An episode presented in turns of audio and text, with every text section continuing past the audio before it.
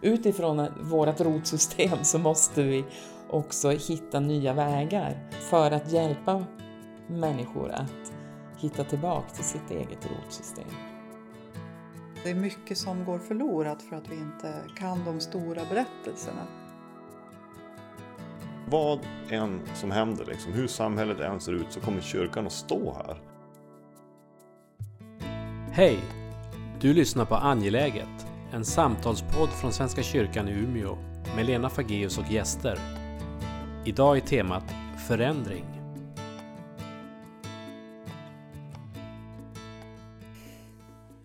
Då får vi hälsa varandra välkomna tillbaka. Så vi tänder vårt närvaroljus. Och så får samtalet om förändring fortsätta. Och den här gången så tänkte jag att vi skulle kunna få röra oss omkring samtal, alltså förändringen som faktiskt inte är så positiv. Att vi eh, ja, men ser i samhället idag förändringar som, vi, som i alla fall jag blir fruktansvärt rädd för. Där liksom icke-demokratiska rörelser är på frammarsch, där man plötsligt kan säga nästan vad som helst. Och det är alltså, ja men om i sociala medier så liksom öppnas bara som en eh, sluss som man eh, kan liksom bete sig som man inte borde kunna bete sig.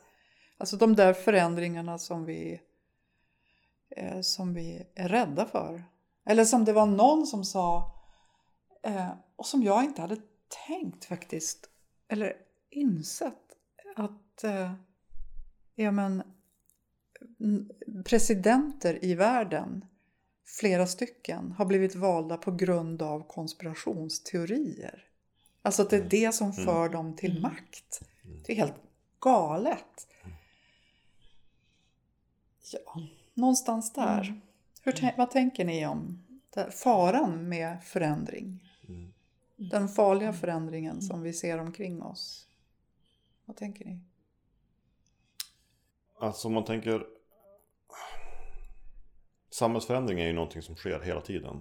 Alltså att det där är ju, jag ser det alltid som en, som en utveckling. Ibland så, så tror jag vi försöker se att, att förändringar är liksom att de kan avslutas på något vis. Jag brukar tänka på den arabiska våren till exempel. Så det var enorma folkrörelser. Så verkligen så här ett spirande hopp som man såg framför sig för en stor del av den arabiska världen och sådär. Så, eh, som verkligen, nu blir det demokrati i flera som gamla diktaturer och så. Och sen, men då måste man också tänka att det här är en, en förändring är också en fruktansvärt lång process som du ska stöpa om ett helt samhälle. Mm. Att det är allt, alltså de, de absolut känsligaste ögonblicken är inte när man har de här stora folkliga resningarna utan det är vad som händer efteråt. När folk säger ja men nu ska jag gå hem igen, nu måste vi börja jobba för, för att få ihop brödfödan, vi börjar vara trötta. Vad händer då? Vem mm. kliver in i det liksom ett maktvakuum? Mm. Den tänker jag är en, en process som vi också ja, men i Sverige också har gjort lite grann. Att, vi, att man har som tänkt att demokrati det rullar på per automatik. Mm. Att vi har, vi har byggt ett land som, som är baserat på folkrörelser. Mm. Om folkrörelserna inte finns kvar, mm. ja då är det ett maktvakuum. Och vem agerar i det? Mm. Och där tror jag att väldigt många har som bara tänkt att det, det är, jag vet inte, politiker eller liksom någon på något vis. Ska tar väl ändå ansvar. Väl, liksom, sköter väl det här på något vis. ja. Någon sån automatik mm. finns ju inte. Nej. Eh, och det, det där är... Ja, det är liksom en lärdom man måste, apropå det här med kunskap också, det är en insikt och en lärdom som man måste göra. Eh, men jag, jag brukar försöka, jag försöker som ändå säga att jag kan, jag kan också verkligen oroas av den här utvecklingen. Men också känna att, att det finns ju väldigt mycket hopp. Alltså när, det är, när man får se en sån här pendelrörelse mot ja, men, antidemokratiska rörelser eller jag hörde någon statsvetare som definierade Ungern som det är inte en demokrati längre. Nej. Det kan man inte säga, det går Nej. inte. Eh, men samtidigt som man har den rörelsen så kan man också säga att ja, men det, då, då mobiliserar folk också. Mm. Alltså då mm. kommer det nya krafter, mm. kanske yngre, nya generationer som, som växer upp i det och känner att det här är inte, så här mm. kan vi inte ha det. Mm. Um, Ja, så jag vet inte, det är väl kanske, ibland så tänker jag att det är bara för min egen skull för att hålla någon slags hoppfullhet uppe. Men, ehm, att, att se det över tid och att, och att det är processer som är också Ja, det hela finns en slags tiden. pendel. Det finns en pendel, och det, och in, men inte som sker med automatik. Jag menar, hur långt den här pendeln slår också, det kan ju vara, det är ju där man någonstans måste begränsa det. Ja. Ska vi låta det liksom gå fullt ut, pendelslaget till andra världskriget eller, eller Ja. liksom stoppar man, ja nu till exempel. Ja. Ja. Ja. Jag tänker också att, att eh, när man ser liksom de här förändringarna som då kanske är, är på gång, där man ser ett, de här rörelserna som vi tycker skapar fara för oss. Och, så tänker jag att har det att göra med att vi i Sverige, vi har bott och levt under väldigt, väldigt, väldigt lång tid, väldigt, väldigt tryggt. Och inte behövt ta liksom något eget ansvar. Utan vi har alltid kunnat säga, ja men kommunen gör fel. Eller eh, samhället gör fel. Eller den och den instansen gör fel och ställt oss själva utanför det ansvaret.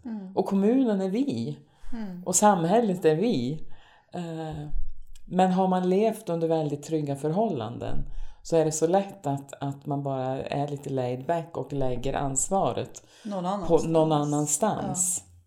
Eh, Och jag tänker någonstans just i det här där vi, som vi är mitt uppe i nu, i våran pandemi, Ja eh, och där allting ser väldigt, väldigt annorlunda ut.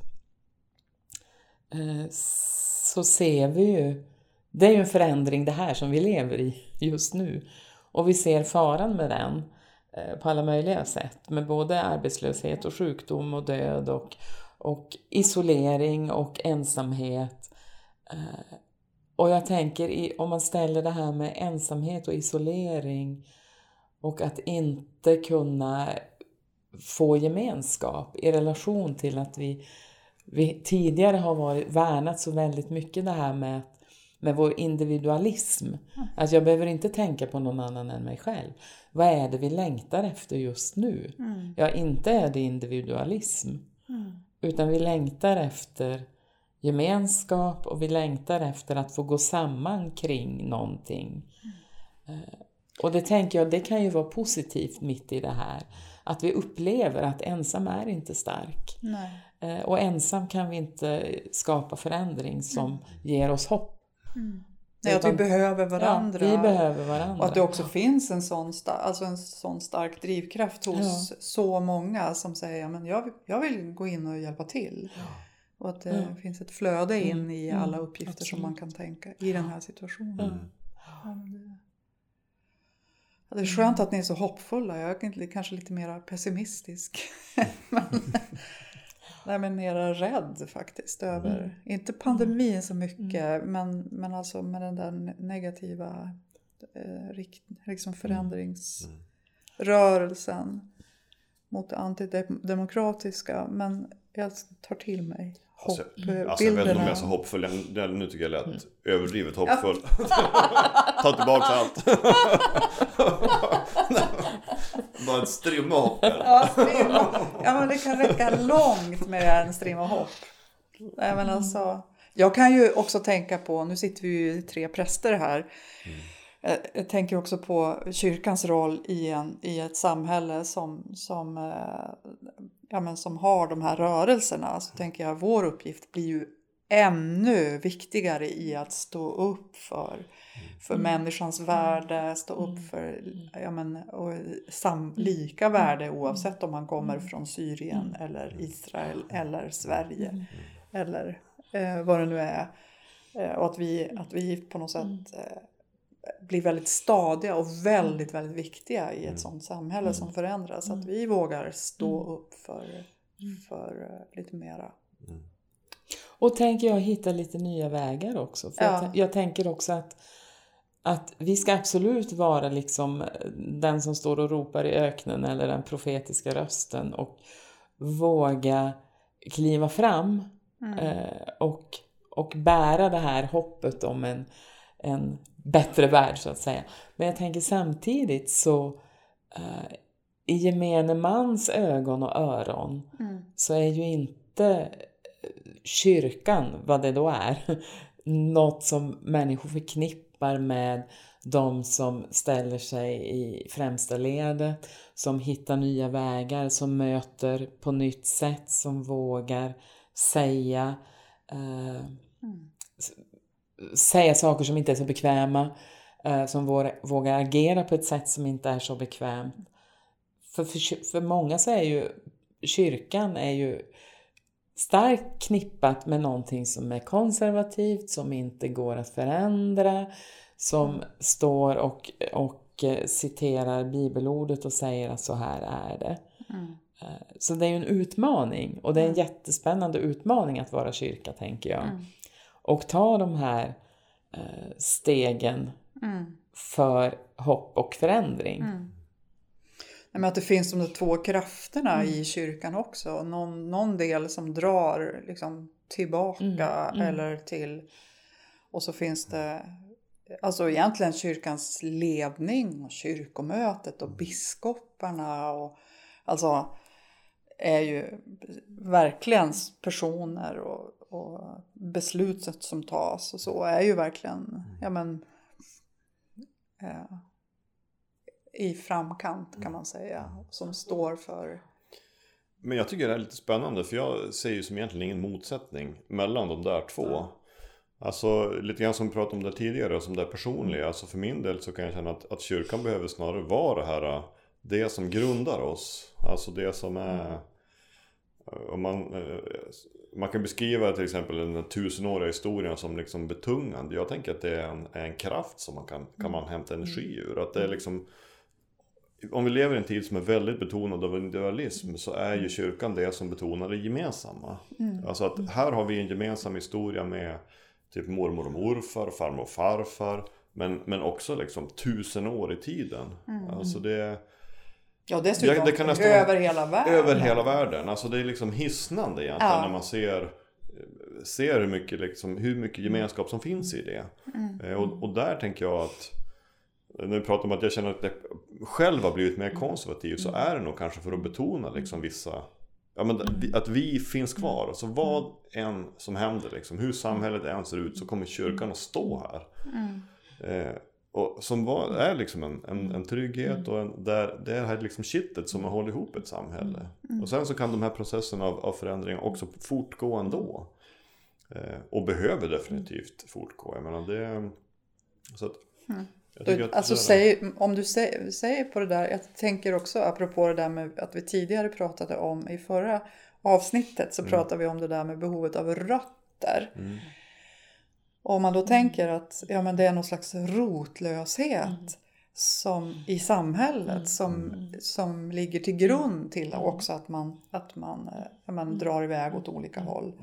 Och att det blir antidemokratiskt. Som, eh, och i så, ja, men då blir det ju verkligen viktigt att vi vågar stå kvar. Mm.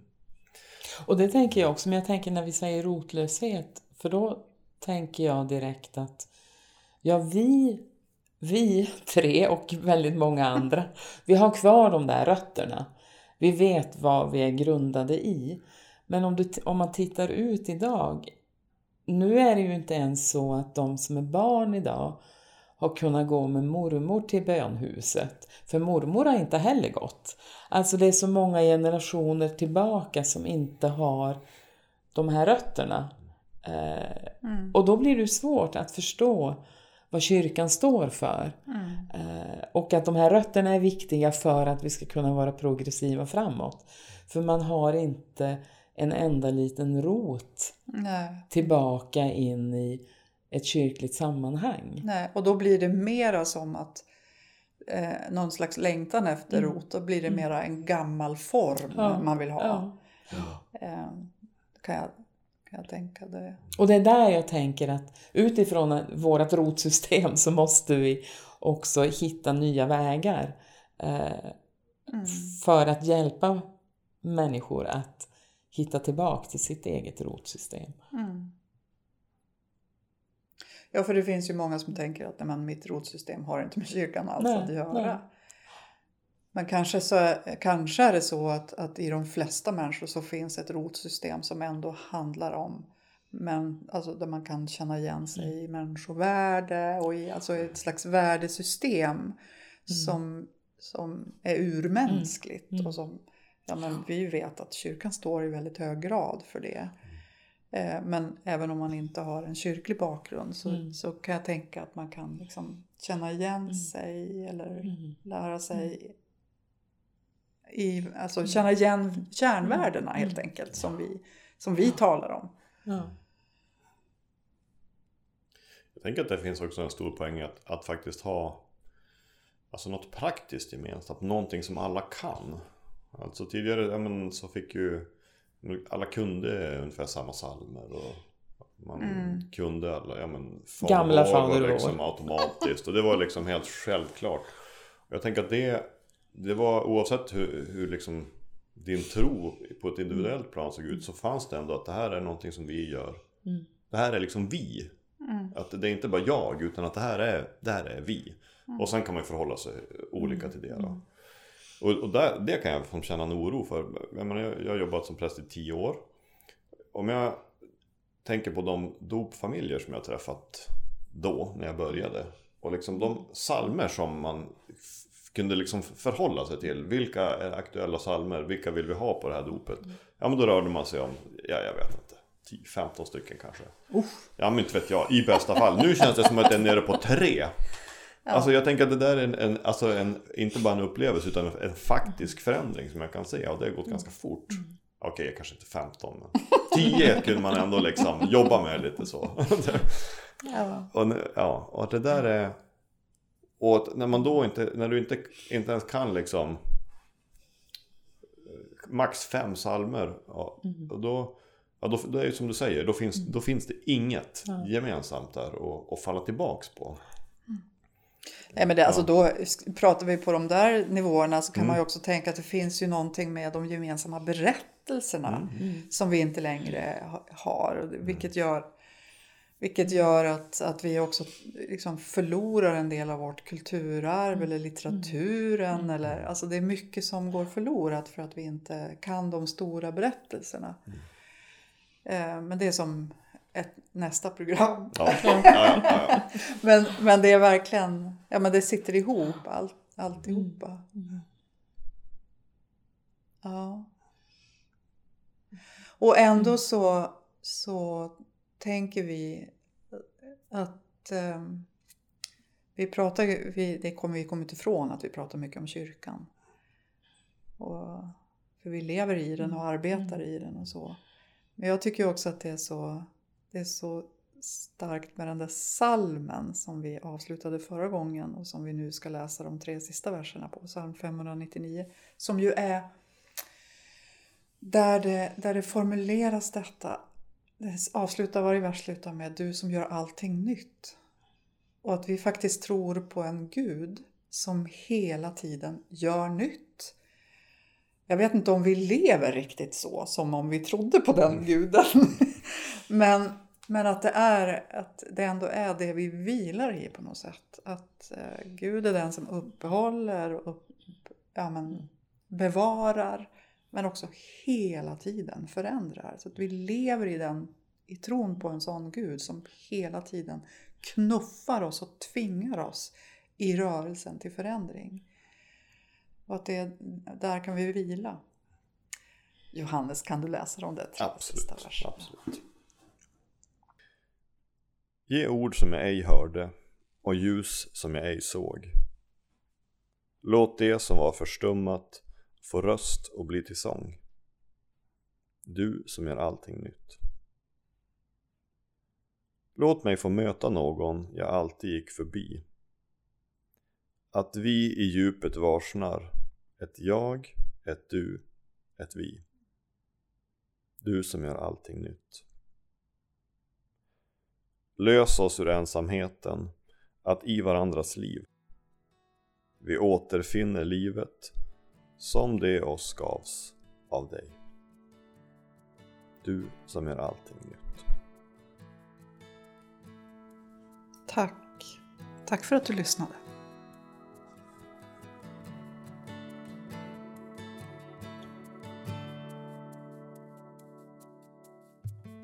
Du har hört Angeläget, en podd med Lena Fageus och gäster. Podden är producerad av Svenska kyrkan i Umeå vill du fortsätta samtalet når du oss på Svenska kyrkan i Umeås Facebook eller via e-post till umia.kommunikation svenskakyrkan.se. Tack för att du lyssnade.